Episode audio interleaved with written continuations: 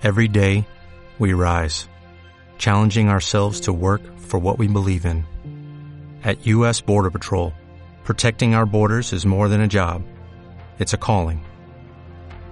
Agents answer the call, working together to keep our country and communities safe. If you're ready for a new mission, join U.S. Border Patrol and go beyond. Learn more at cbp.gov/careers. Vols viure una de les aventures més impressionants de la teva vida? Viu l'experiència Tunatur. Gaudeix d'una excursió en catamarà amb sortida del port de l'Ametlla de Mar a la Costa Daurada. Dona de menjar i nada entre els centenars de tonyines roges salvatges. Podràs practicar snorkel i submarinisme i gaudir d'una degustació de la millor tonyina roja al mig del mar. Una experiència didàctica i gastronòmica per gaudir en família. Informació i reserves a tuna-tour.com.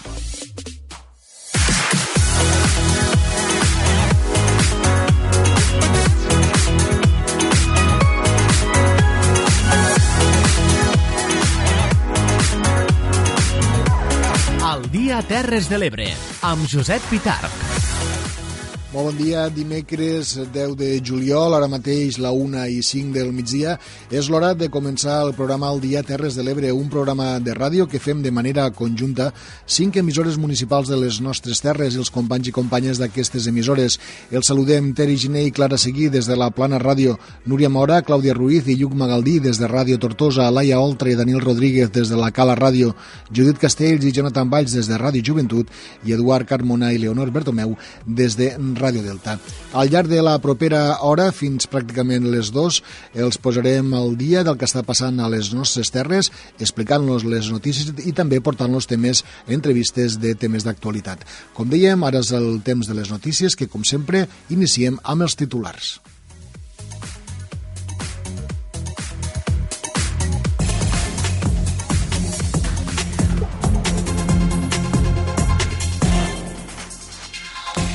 L'Hospital de Tortosa Verge de la Cinta incorpora un mamògraf d'última generació i millora els sistemes de ressonància magnètica cardíaca. Es confirma la presència de la cloïssa asiàtica al tram final del riu Ebre. L'olivera i la melé, els cultius més afectats per l'incendi a la Ribera d'Ebre, es calculen més d'un miler d'hectàrees afectades. El sector de l'olivera tem per la campanya de l'oli a causa de la gran sequera que està patint el territori. Compra aquí i aparca gratis és la campanya comercial d'aquest estiu a la Mella de Mar. L'edició d'enguany de la Via Blava de l'arròs al vi es mostra preocupada pel baix cabal del riu Ebre.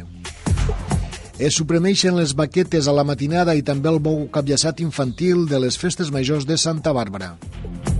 Les jornades del musclo de Deltebre arriben aquesta tarda a Riomar. I destacarem també que les bandes de música de la Cala i de Tortosa actuaran conjuntament dissabte a la Mella de Mar.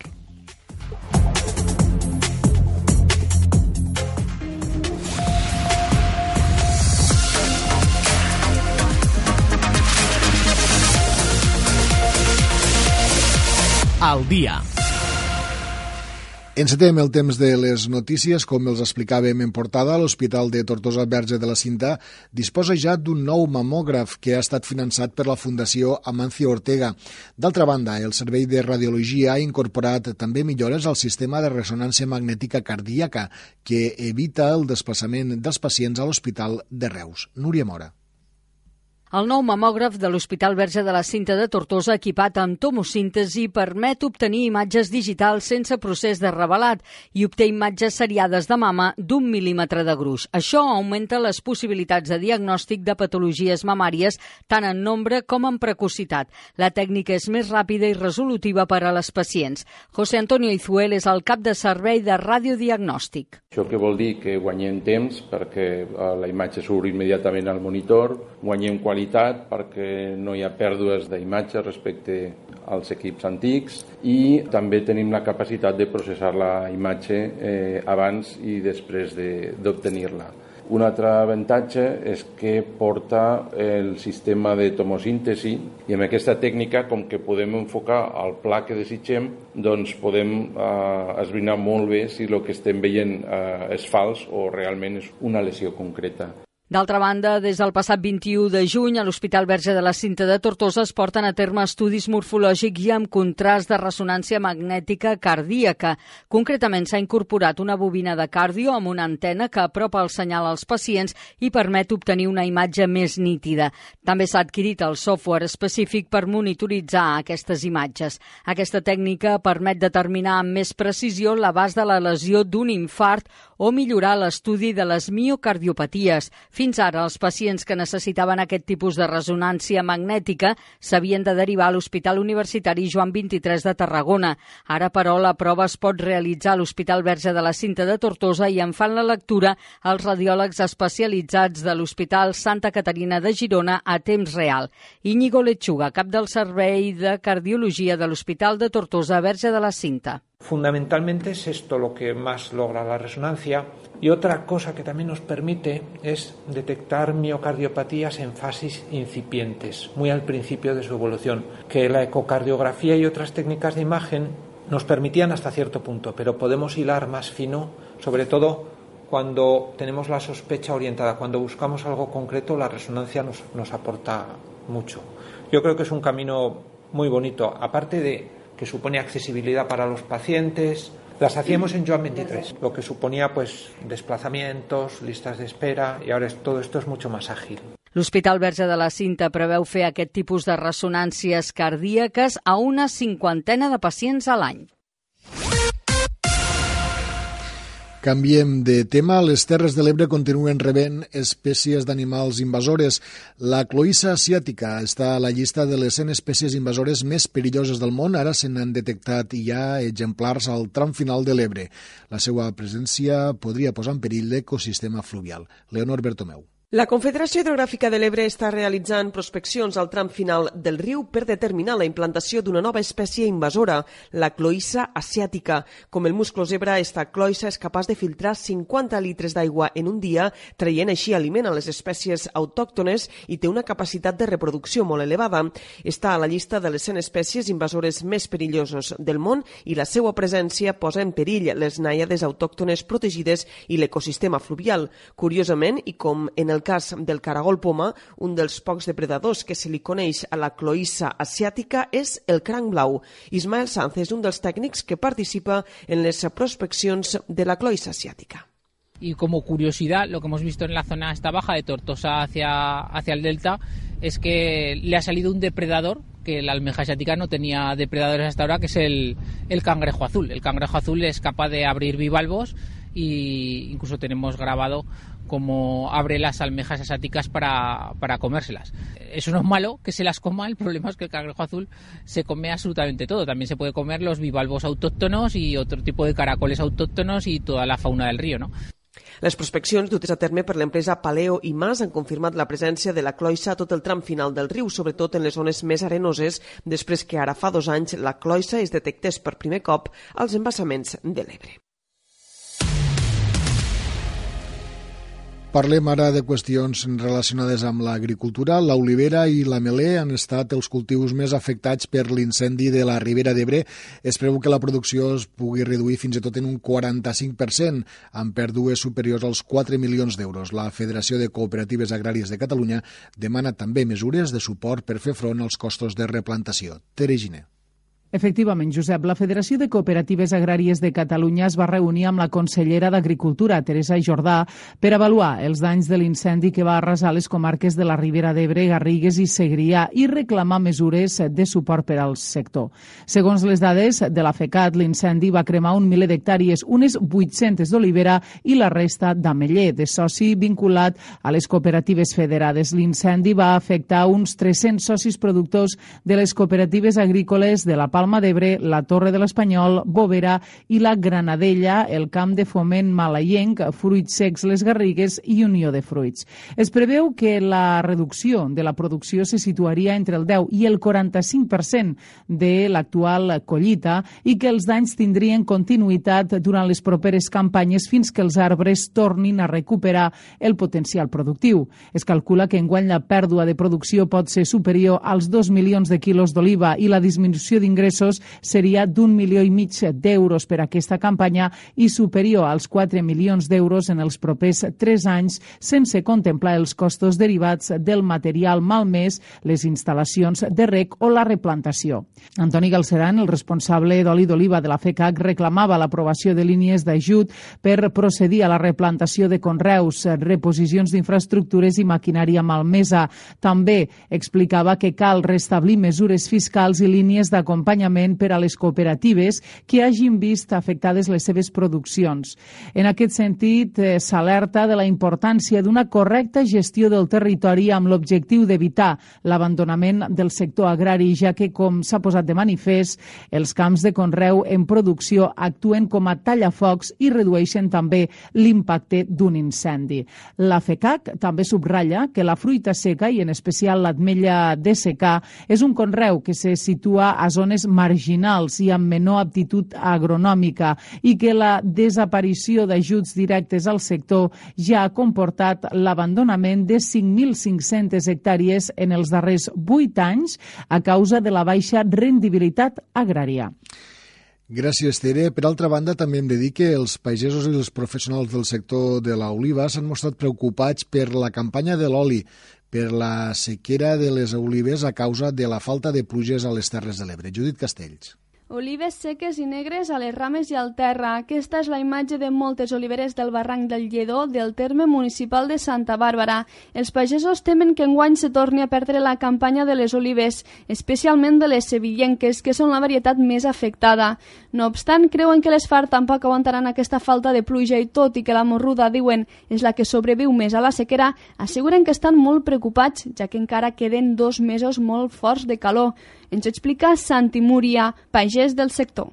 La sevillenca està quedant un 10 un 20%, i això que l'any passat no n'havia hagut cap d'oliva, però suposo que ja ni ese 10 ni un 20 no ho aguantarà. I ara s'estan secant molt les fulles d'aquestes calorades que, que van vindre aquests dies i estem ja patint per l'arbre.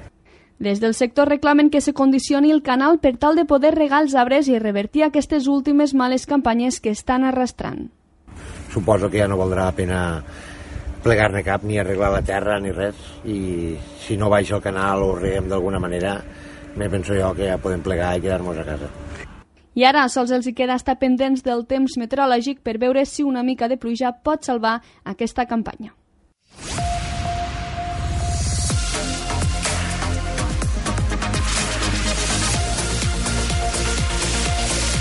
Al dia. Comprar al comerç local de la Mella de Mar té descomptes a l'aparcament Escoles Velles. Un estiu més, l'Ajuntament ha posat en marxa aquesta campanya per incentivar les compres al municipi. En funció a l'import es podran gaudir de fins a dues hores d'estacionament gratuït. La promoció estarà vigent fins al 14 de setembre. Laia Oltra. Els descomptes comencen a partir d'una compra superior a 5 euros, que equivalen a 15 minuts d'aparcament de franc. Com més alt és l'import, més minuts gratis es disposen. Això sí, els tiquets no són acumulables i s'han d'utilitzar el mateix dia de la compra. La regidora de Turisme i Comerç, Maite Boquera, afirma que és una iniciativa per potenciar el comerç local. Això ha començat de l'1 de juliol fins al 14 de setembre i estem molt contents perquè això ens ajuda a promocionar també una miqueta el comerç local, que vingui la gent aquí al poble, al nucli urbà, que pugui deixar el cotxe i pugui gaudir una miqueta del nostre comerç local, dels nostres botiguers i, i entre tots pues, poder tirar tot endavant. L'any passat gairebé 2.000 persones van aprofitar la campanya Compra aquí i aparca gratis per gaudir d'estacionament gratuït. Els descomptes només són vàlids pel pàrquing soterrani Escoles Velles. En el cas de l'aparcament de superfície Llibertat, ofereix un preu d'un euro per hora durant les tres primeres hores i 3 euros per hora a partir de les hores. I tornem a parlar del riu per dir-los que aquest 20 de juliol, coincidint en la celebració de la Festa del Renaixement de Tortosa, es tornarà a celebrar la Via Blava, de l'arròs al vi, una ruta remuntant el riu Ebre en petites embarcacions a rem, enguany però amb una preocupació clara, el cabal del riu Ebre. Clàudia Ruiz. Si avui mirem el riu Ebre al seu pas per Tortosa, el dibuix de la plataforma en defensa de l'Ebre mostra que el riu baixa per sota del cabal mínim establert. Les dades de la Confederació Hidrogràfica de l'Ebre situen el cabal en aquest dimecres als 95 metres cúbics per segon. Aquestes dades han preocupat a l'organització de la ruta Via Blava, que es durà a terme un any més el proper 20 de juliol. El president del Club Nàutic Riu Mar de Deltebre, Joan Vicent Barbas, ha alertat que si el cabal es rebaixa els propers anys, farà perillar aquesta ruta en embarcació que a través de l'actuació que, es va, que, es, que s'està fent ara a través dels ajuntaments, tant de Tortosa com de Deltebre, eh, de cara a la Confederació Gràfica de l'Ebre i a FEX Endesa, a veure si per aquests dies ens poden donar una mica més de caudal, almenys pujar als 120 o 130 metres cúbics, que ja ens donaria tranquil·litat per poder navegar. El problema és que no donen aigua suficient per poder fer la navegació. I és una cosa que jo personalment eh, no ho entenc perquè els embalses estan al 80 o 90% és que no ho entenc. Eh, si fos una època de sequera d'allò, o els embalses estiguessin mig buit, jo entenderia això, no? Lo entenderia, però és que els, embalses estan bé, no, no, ho entenc aquesta, aquesta manca de, de, de caudal. Enguany, més de 90 persones s'han inscrit en aquesta cinquena edició. La navegació fluvial riu amunt durarà entre dues hores i dues hores i mitja i per a totes aquelles persones que no disposen d'embarcació pròpia s'habilitarà un procediment de reubicació en altres embarcacions que disposen de places lliures. La programació d'aquesta jornada inclou la sortida des del port esportiu de Riumar a Deltebre amb navegació fluvial fins a Tortosa. Un cop desembarcats es farà una visita per la Festa del Renaixement per a continuar fins al Pinell de Brai per a realitzar una visita guiada a la Catedral del Vi incloent un tas de vins de la DO Terra Alta. Finalment es dinarà al restaurant Villa Retiro a Xerta. Aquest any Santa Bàrbara ha decidit eliminar del programa de festes les baquetes a la matinada i també el bou capllaçat infantil. Els problemes reiterats amb els antitaurins han fet que, de moment, s'hagin suprimit ja del programa de les festes majors. Tere Gine. Així és, els reiterats problemes amb els animalistes han fet que el municipi de Santa Bàrbara hagi decidit suprimir el bou capllaçat infantil que sempre es feia el primer dissabte al matí, hores més tard del capllaçat per adults, i també les baquetes de la matinada. Tot i això, segons explicava Ximo Martí, membre de la comissió de bous, s'han inclòs per primer cop actes com un concurs de ramaderies el primer divendres, el dia 12 de juliol. L'escoltem. Tothom sabeu el tema dels bous, però estem, estem a l'ull de, de l'huracà i eren dues activitats on possiblement la participació de menors pues, per a uns era participació activa, pels altres no era activa. Cal recordar que nosaltres érem l'únic poble de Terres de l'Ebre que fèiem un, un manset capllaçat. Fa dos anys vam tindre una, una denúncia. Eh, esta participació que uns veuen activa els altres no veuen activa per nosaltres activa és anar a prop del bou i per a altres activa és anar a 20 metres. Hasta que no se definisca clarament el que és activa i no és activa pues, deixarem una mica de fer el tema de, del manset capllaçat per, a, per als xiquets perquè, perquè el que no volem és pagar cada any denúncies, per tant, i que el poble hagi de pagar denúncies. Per tant, quan se sàpiga cert que és participació, participació activa o no, tornarem a fer el manset capllaçat. Això és un punt, no és un punt i, i a part, és un punt i seguit, seguirem fent-lo. I el mateix en el tema de, de la matinada de baquetes eh, la matina de baquetes pues, podria ser que la participació de menors és més complicada de, de, pues, de vigilar i hem decidit, l'any passat ja no es va fer l'any passat va ploure i per circumstàncies pues, vam decidir no fer-ho perquè no hi hagi cap accident tant al mig, a la plaça com per fora de les carretes i aquest any pues, hem decidit no fer-ho. A canvi d'això, pues, bueno, fem una activitat, farem el primer divendres del de, dia de la penya, farem baquetes per, a, per als aficionats més joves de Santa Bàrbara i de les Terres de l'Ebre que vinguen i eh, farem un altre un bou capllaçat el segon dijous de festes, eh, que és una de, una de les novetats. Per tant, no fem això, però a canvi d'això pues, fem unes altres activitats per no, per no perdre el número d'actes que es feien venim realitzant aquí a Santa en aquest concurs hi participaran les ramaderies d'Hilario Príncep, Germans Montferrer, José Vicente Machancoses i també Dani Machancoses. I posteriorment al mateix hi haurà el tradicional bou embolat amb la ramaderia d'Hilario Príncep. Moltes gràcies, Tere. Continuem amb més temes. Ja els vam explicar que fins al dia 21 del Tebre acull les jornades gastronòmiques del Musclo, unes jornades que avui arriben a Riomar i que es veran complementades amb un seguit d'activitats lúdiques i culturals. Leonor Bertomeu. Riumar acull esta tarda la jornada del musclo amb un seguit d'activitats destinades a promoure les qualitats gastronòmiques d'este molusc, un dels productes estrella de les badies del Delta. En la jornada es podrà degustar el musclo cuinat de diferents maneres i també hi haurà un seguit d'activitats paral·leles, com un taller de jotes i l'actuació del trio de jazz MXM. Carlos Serra és el tinent d'alcalde de Deltebre Projecció i regidor de Turisme.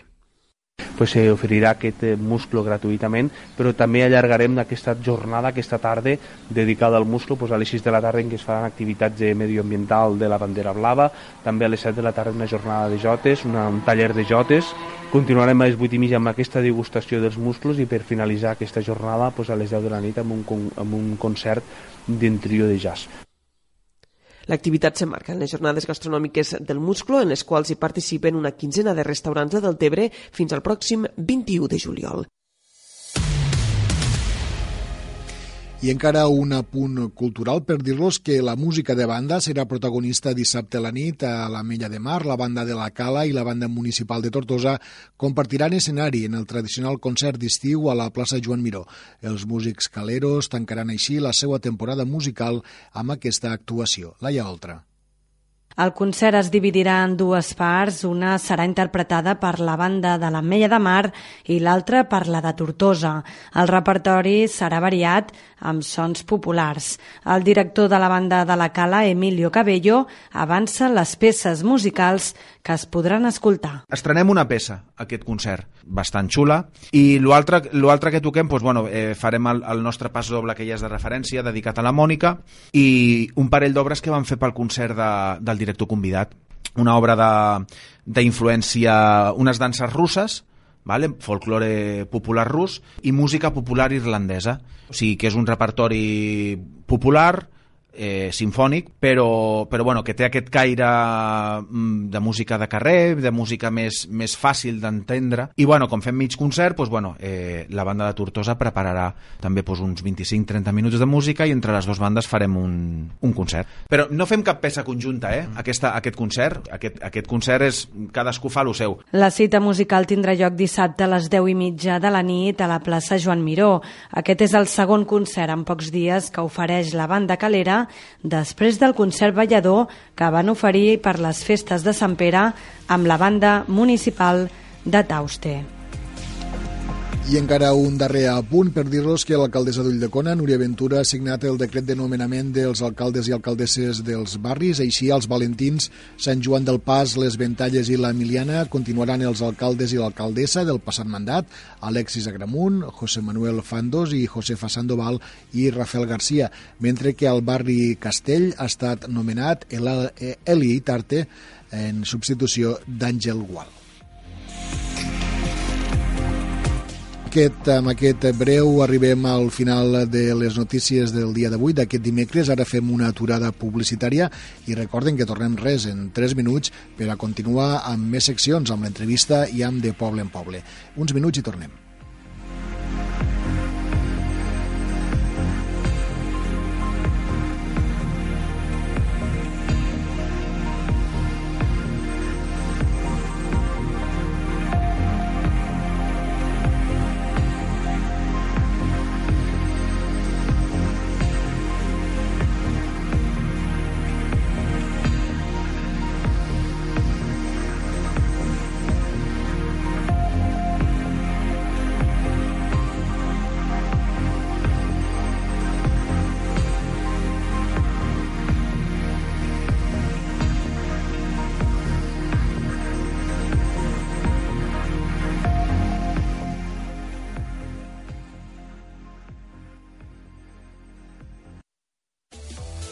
Vols viure una de les aventures més impressionants de la teva vida?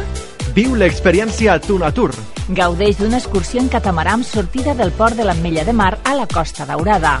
Dona de menjar i nada entre els centenars de tonyines roges salvatges. Podràs practicar snorkel i submarinisme i gaudir d'una degustació de la millor tonyina roja al mig del mar.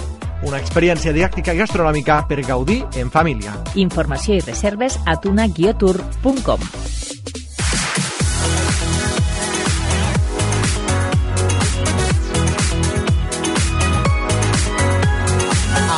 Terres de l'Ebre, amb Josep Pitarc.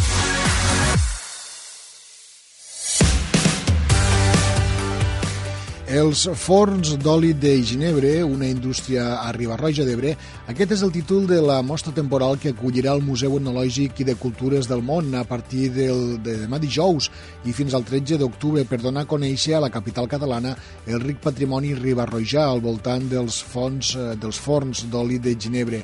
L'espai museístic del carrer Moncada, situat davant del Museu Picasso, exposarà durant tres mesos el llegat d'aquestes construccions de pedra en sec arreu del terme municipal i la feina de documentació que ha fet l'entitat Amics de Ribarroja en col·laboració amb l'Ajuntament durant els darrers anys. L'exposició explicarà aquesta potent indústria local, ja que des de l'època preindustrial, amb documents de principis del segle XVII, demostren un comerç consolidat en aquest poble de la riba del riu Ebre i que afavoria el seu trasllat fins a Tortosa i fins a Saragossa. Senyor Josep Aguilar, bon dia. Bon dia. El senyor Josep Aguilar és membre d'Amics de, de Ribarroja. Senyor Aguilar, abans que res, abans que res, eh, explica'm-nos què eren els forns de Ginebre.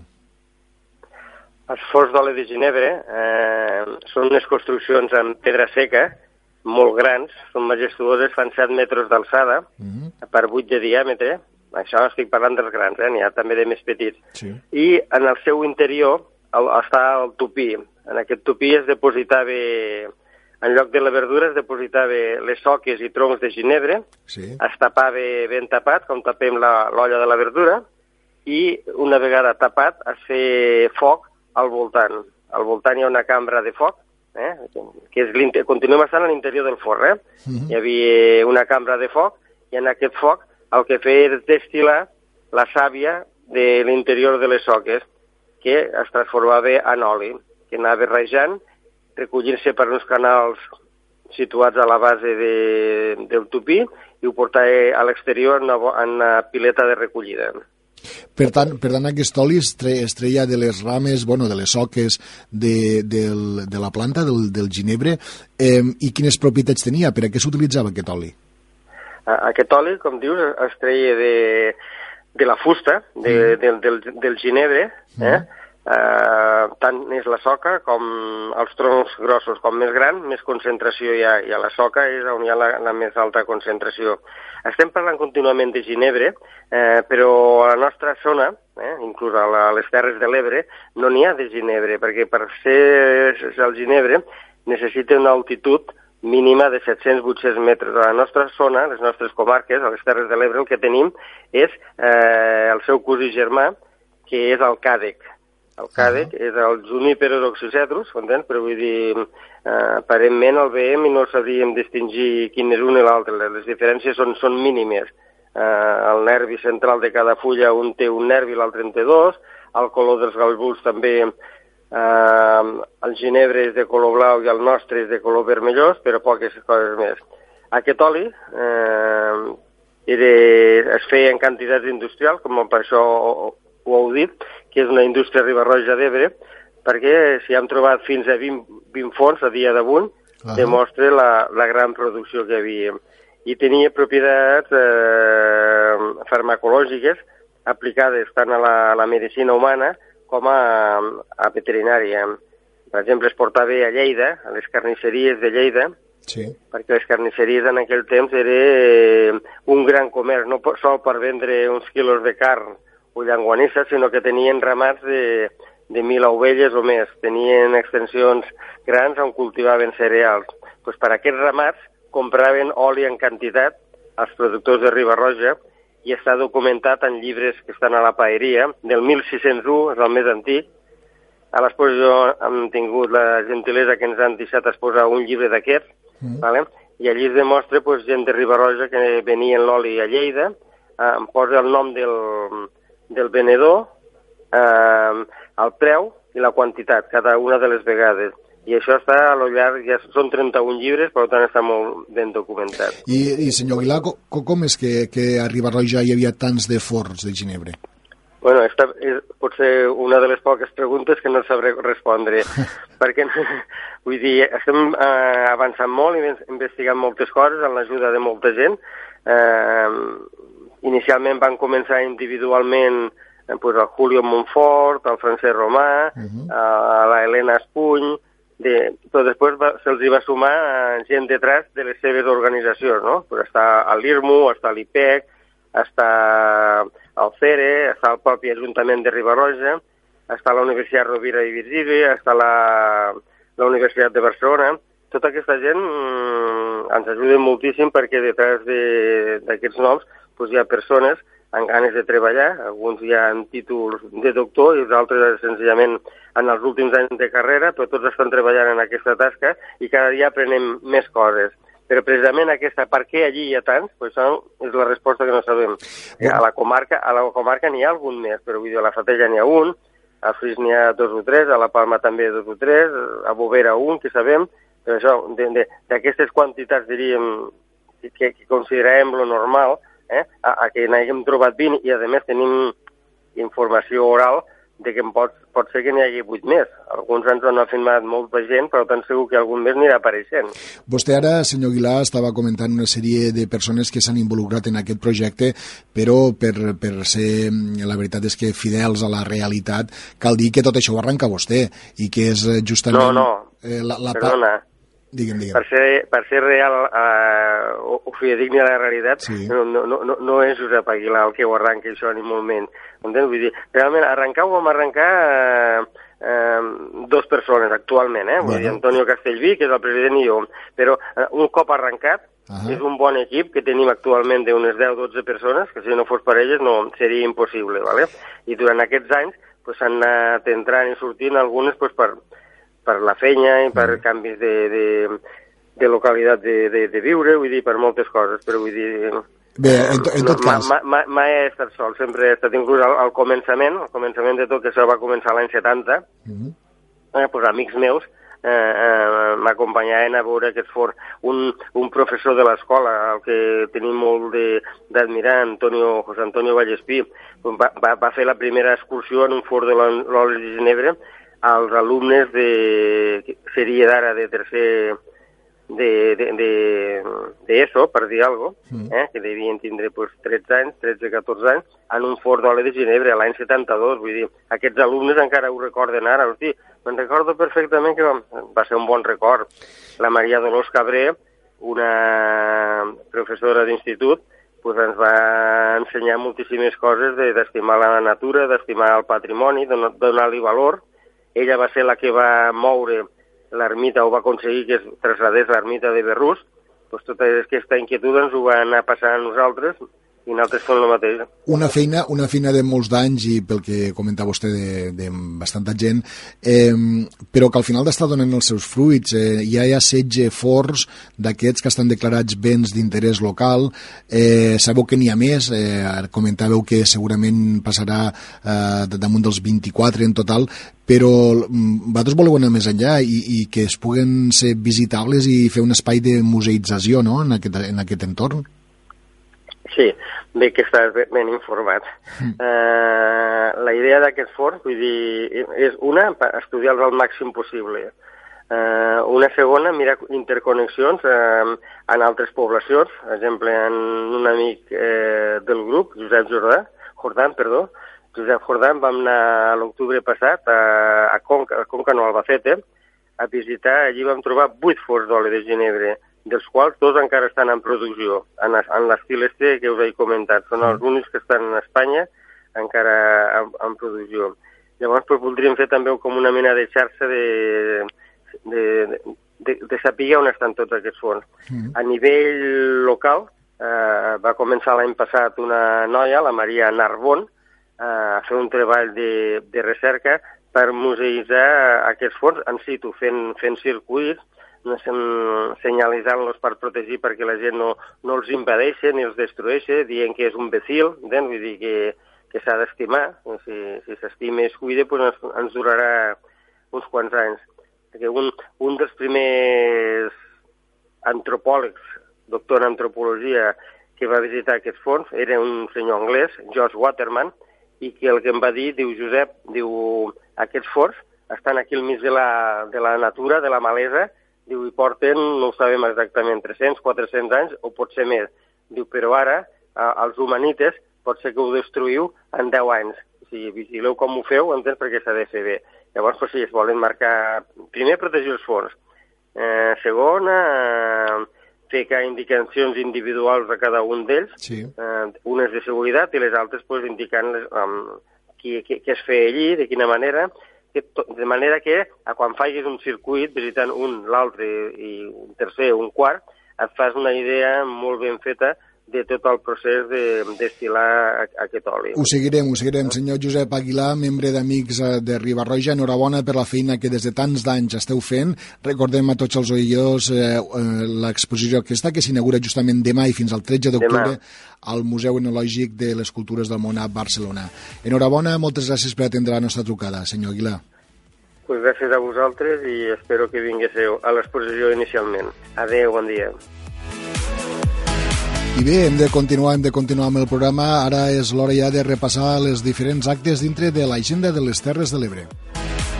Començarem aquest repàs als estudis de la Plana Ràdio, on hi ha la nostra companya Tere Giné. Tere, bon dia. En clau d'agenda us recordarem que demà dijous, dia 11 de juliol, comença ja actes previs a les festes majors amb el repartiment de panoli que porten a terme a les 7 de la tarda totes les pubilles i els seus acompanyants. Un repartiment que també anirà amb la dolçaina i el tamborí d'un recent estrenat grup de dolçainers d'aquí de Santa Bàrbara. A les 7 i mitja de la tarda està previst que a les piscines municipals i organitzat des de la regidoria d'Esports es facin l'entrega de trofeus i reconeixements esportius i una altra entrega serà la del concurs d'imatge digital, portals i portalades. Es portarà a terme a les 8 de la tarda a l'Smart Centre. A les 9 de la nit recordem que també hi ha una inauguració, la de l'exposició d'art i manualitats de l'Acadèmia Regina Pla. Continuem el repàs, anem cap als estudis de la Cala Ràdio, la Mella de Mar, on hi ha Laia Oltra. Laia, bon dia. Bon dia, Josep. Doncs la proposta de la Cala Ràdio per avui és la següent. Demà dijous, al Sem la Cala, de la Mella de Mar, hi ha spinning amb el DJ Guillermo, una activitat solidària per l'esclerosi múltiple. I també amb solidaritat amb aquesta malaltia, el Perelló farà una jornada solidària amb la campanya del Mullet per l'esclerosi múltiple aquest dissabte, dia 13 de juliol, d'11 del matí a 8 de la tarda a la piscina municipal. Als estudis de Ràdio Joventut a Masdenverge hi ha Judit Castells. Judit, bon dia. I des de Ràdio Joventut, com cada setmana, us proposem diverses activitats que podeu dur a terme durant la setmana. Aquesta setmana en concret s'està duent a terme la quarta edició del Taller Internacional Dansa Amposta organitzat per l'Escola de Dansa Jacqueline Biosca i amb la col·laboració de l'Ajuntament d'Amposta, un curs que acabarà amb un gran festival dissabte a les 8 i mitja del vespre a la Lira Ampostina. I a Uidecona, diumenge 14 de juliol, dins les quinzenes jornades musicals a l'Ermita de la Pietat, per la tarda hi haurà el concert de Coco Gin and the Tonics, una molt bona proposta per passar el diumenge a la tarda amb bona música. I continuem amb més propostes, en aquest cas les que ens fan des de Ràdio Tortosa. Núria Mora, bon dia. Des de Ràdio Tortosa destaquem el lliurament dels Premis Gerard Vergés al Campus Terres de l'Ebre a les 7 de la tarda, un reconeixement als treballs de recerca, de batxillerat i treballs de síntesi de cicles formatius de grau superior del curs 2018-2019, uns premis que enguany han arribat a la 12a edició. També destaquem el 6è Bienal d'Art de Corbera d'Ebre, que es podrà visitar fins al 31 d'aquest mes, una exposició d'una vintena d'artistes amb temàtica basada en els articles 9 i 10 de la Declaració dels Drets Humans de l'any 1948, que defensen que ningú pot ser arrestat, detingut o exiliat arbitràriament. Aquesta exposició d'art serà instal·lada a l'església de Sant Pere de Corbera d'Ebre. A més a més, avui també destaquem que des de l'edifici jove Lo Carrelet de Tortosa hi ha un taller de zumba de 6 a 7 de la tarda. Ha estat la nostra companya Clàudia Ruiz la que ens ha ofert els actes des de Ràdio Tortosa. Acabem la ronda de connexions quan són tres quarts de dos amb eh, Eduard Carmona des de Ràdio Delta. Eduard, bona tarda. Bona tarda, Josep. Avui us portem un dia carregat d'actes i coses per fer a Deltebre i sobretot a, Riumar. D'entrada, a les 6 de la tarda tindrem els actes de la Blue Flag Med Week, una setmana, eh, uns actes emmarcats dintre d'una setmana eh, de, en el qual es vol conscienciar la ciutadania i per tant es realitzaran activitats mediambientals a la plaça Europa de Riumar. Després, a les 7 també a la plaça Europa de Riumar hi haurà un taller de jotes i balls tradicionals del Delta de l'Ebre. Mm, també no marxem de Riumar perquè a les 8 i mitja tindrà lloc la jornada del musclo, una jornada encabida dins les jornades gastronòmiques del musclo que van començar eh, la setmana passada. A les 10 de la nit tindrem el concert de MXM, un trio de jazz, també a la plaça Europa de Riu Mar, i com cada dia, a les 10 de la nit, també en aquest cas de solapen els dos actes, tindrem un nou espectacle dins del marc del Festival del Deltebre Dance, en aquest cas l'Alia Iguodé Company, amb un espectacle titulat Underneath.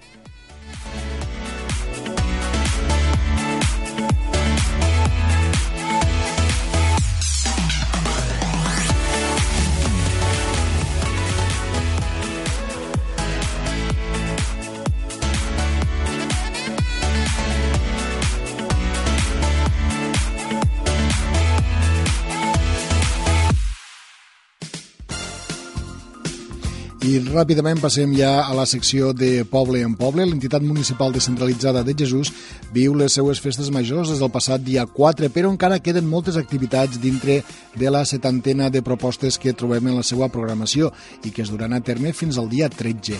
Clàudia Ruiz ha entrevistat en aquest de Poble en Poble a Víctor Ferrando, president de l'entitat municipal descentralitzada de Jesús.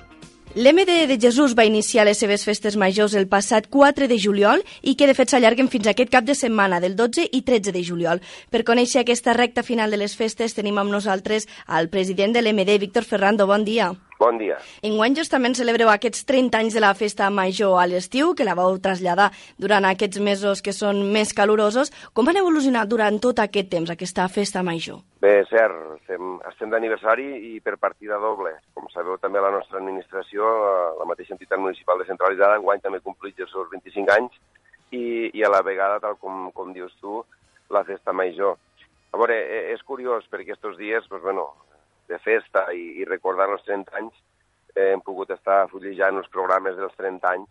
I, i el programa de l'any 1994 eh, allí posava, havia un escrit de la comissió que deia que, que la gent ens sentiria més estrany fent la festa en la calor de l'estiu, però que això serviria també per a poder aprofitar més la, el dia, perquè el sol allargava més i a la nit també pues, agraïa més la, la fresca i la veritat és que, és que ha estat així. Clar, fa, fa 30 anys a l'octubre feia fred.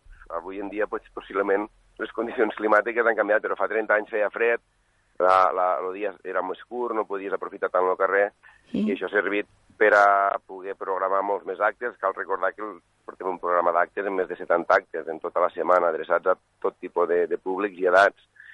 I, i l'evolució una mica també és una, un reflex de l'evolució de la societat. Mm, fa 30 anys hi havia molt poca o molta menys oferta lúdica i, per tant, hi havia molts tipus d'actes que no podies trobar de, de qualsevol altra manera. I, I avui en dia això, la gent té ofertes lúdiques de qualsevol tipus, en, en qualsevol mitjà, en qualsevol format, i una mica doncs, bueno, el que ha anat fent la, la comissió de festes en aquests anys ha, ha estat adaptant-se als canvis que han anat havent i, i intentar que la gent pugui continuar gaudint de la festa encara que siguin actes diferents. Hi ha actes tradicionals, hi ha actes emblemàtics que es mantenen al llarg dels 30 anys, com puguen ser el Cosuiris o l'Ofrena mm. o la mateixa nit de la paella que, que tindrem esta nit. Molt bé. Eh, com comentaves, més de 70 actes els que trobem en aquests nous dies de festa, però què fa possible que aquesta programació sigui tan rica i dedicada també, com deies, a tota la família?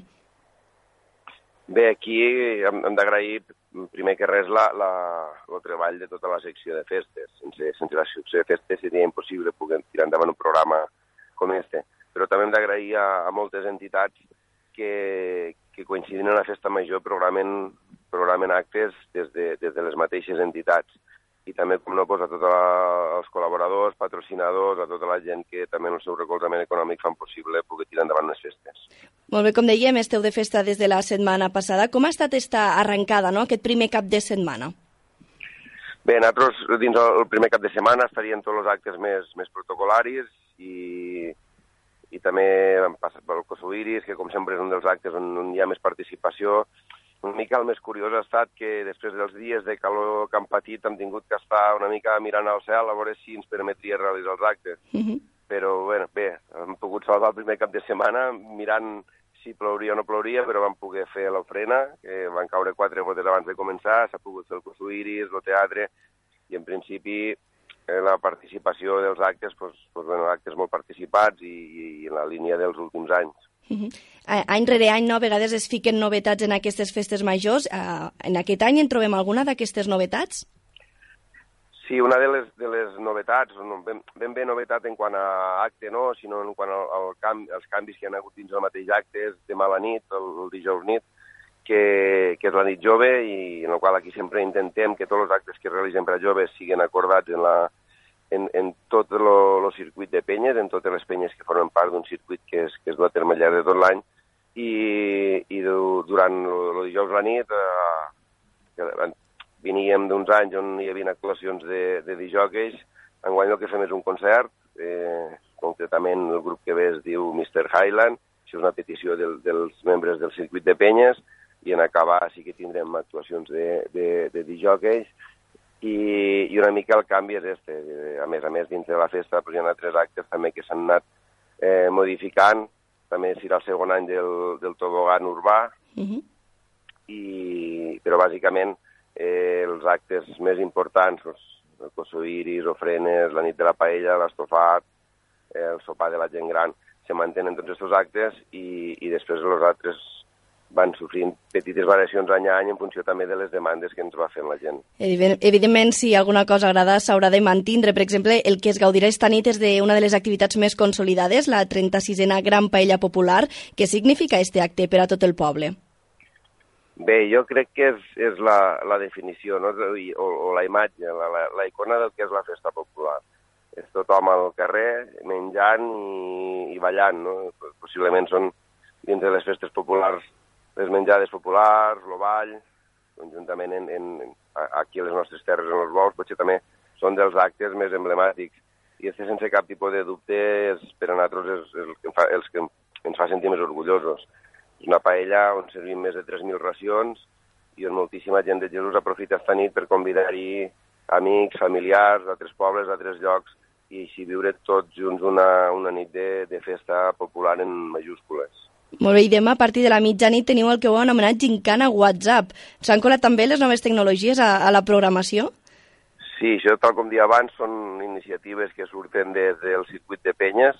Aquesta és una de les novetats també, i, i en aquest cas eh, un altre exemple seria que dins el passat dilluns, en la nit de, de penyes, on se fa el sopar de germano de totes les penyes, una de les proves també, eh, el que inclou és, un Kahoot, un, un, un qüestionari a través d'una aplicació, d'una plataforma que es diu Kahoot, i que permet participar no només a tota la gent del circuit de penyes, sinó que en aquest cas també per fet, permet participar descarregant-se una aplicació mòbil a tot el públic assistent i d'alguna manera d'això no? hem d'anar adaptant a, als canvis que hi ha i sense cap tipus de dubte les xarxes socials i els dispositius mòbils són molt presents a la societat i a la mesura que podem doncs, també formem part de, de la festa major.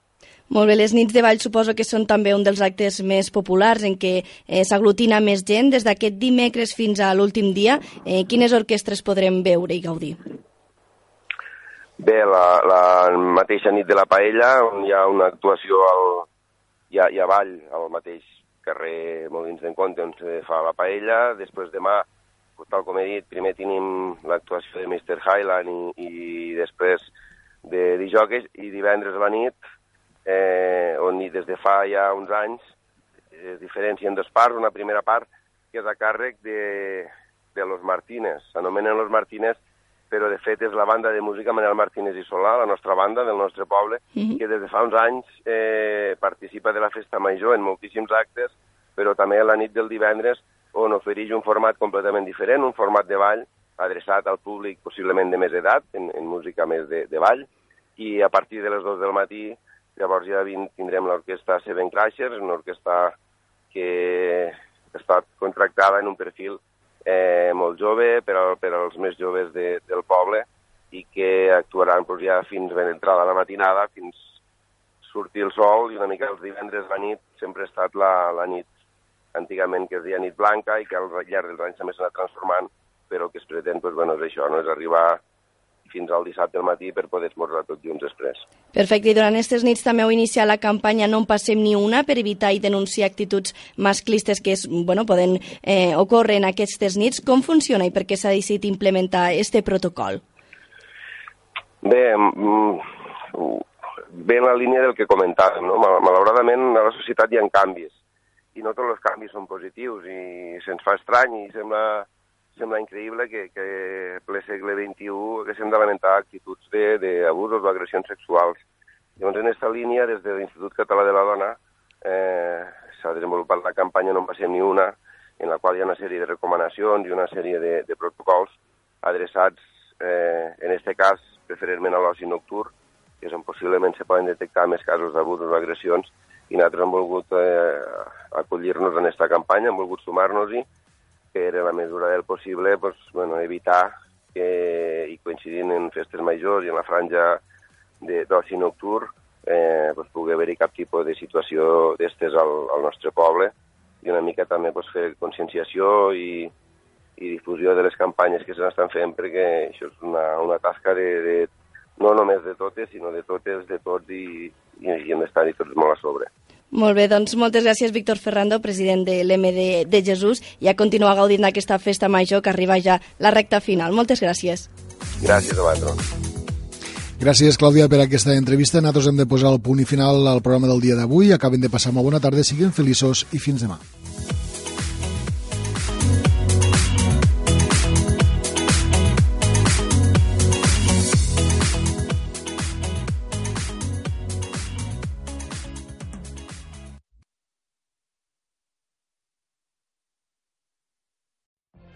What if you could have a career where the opportunities are as vast as our nation, where it's not about mission statements, but a shared mission?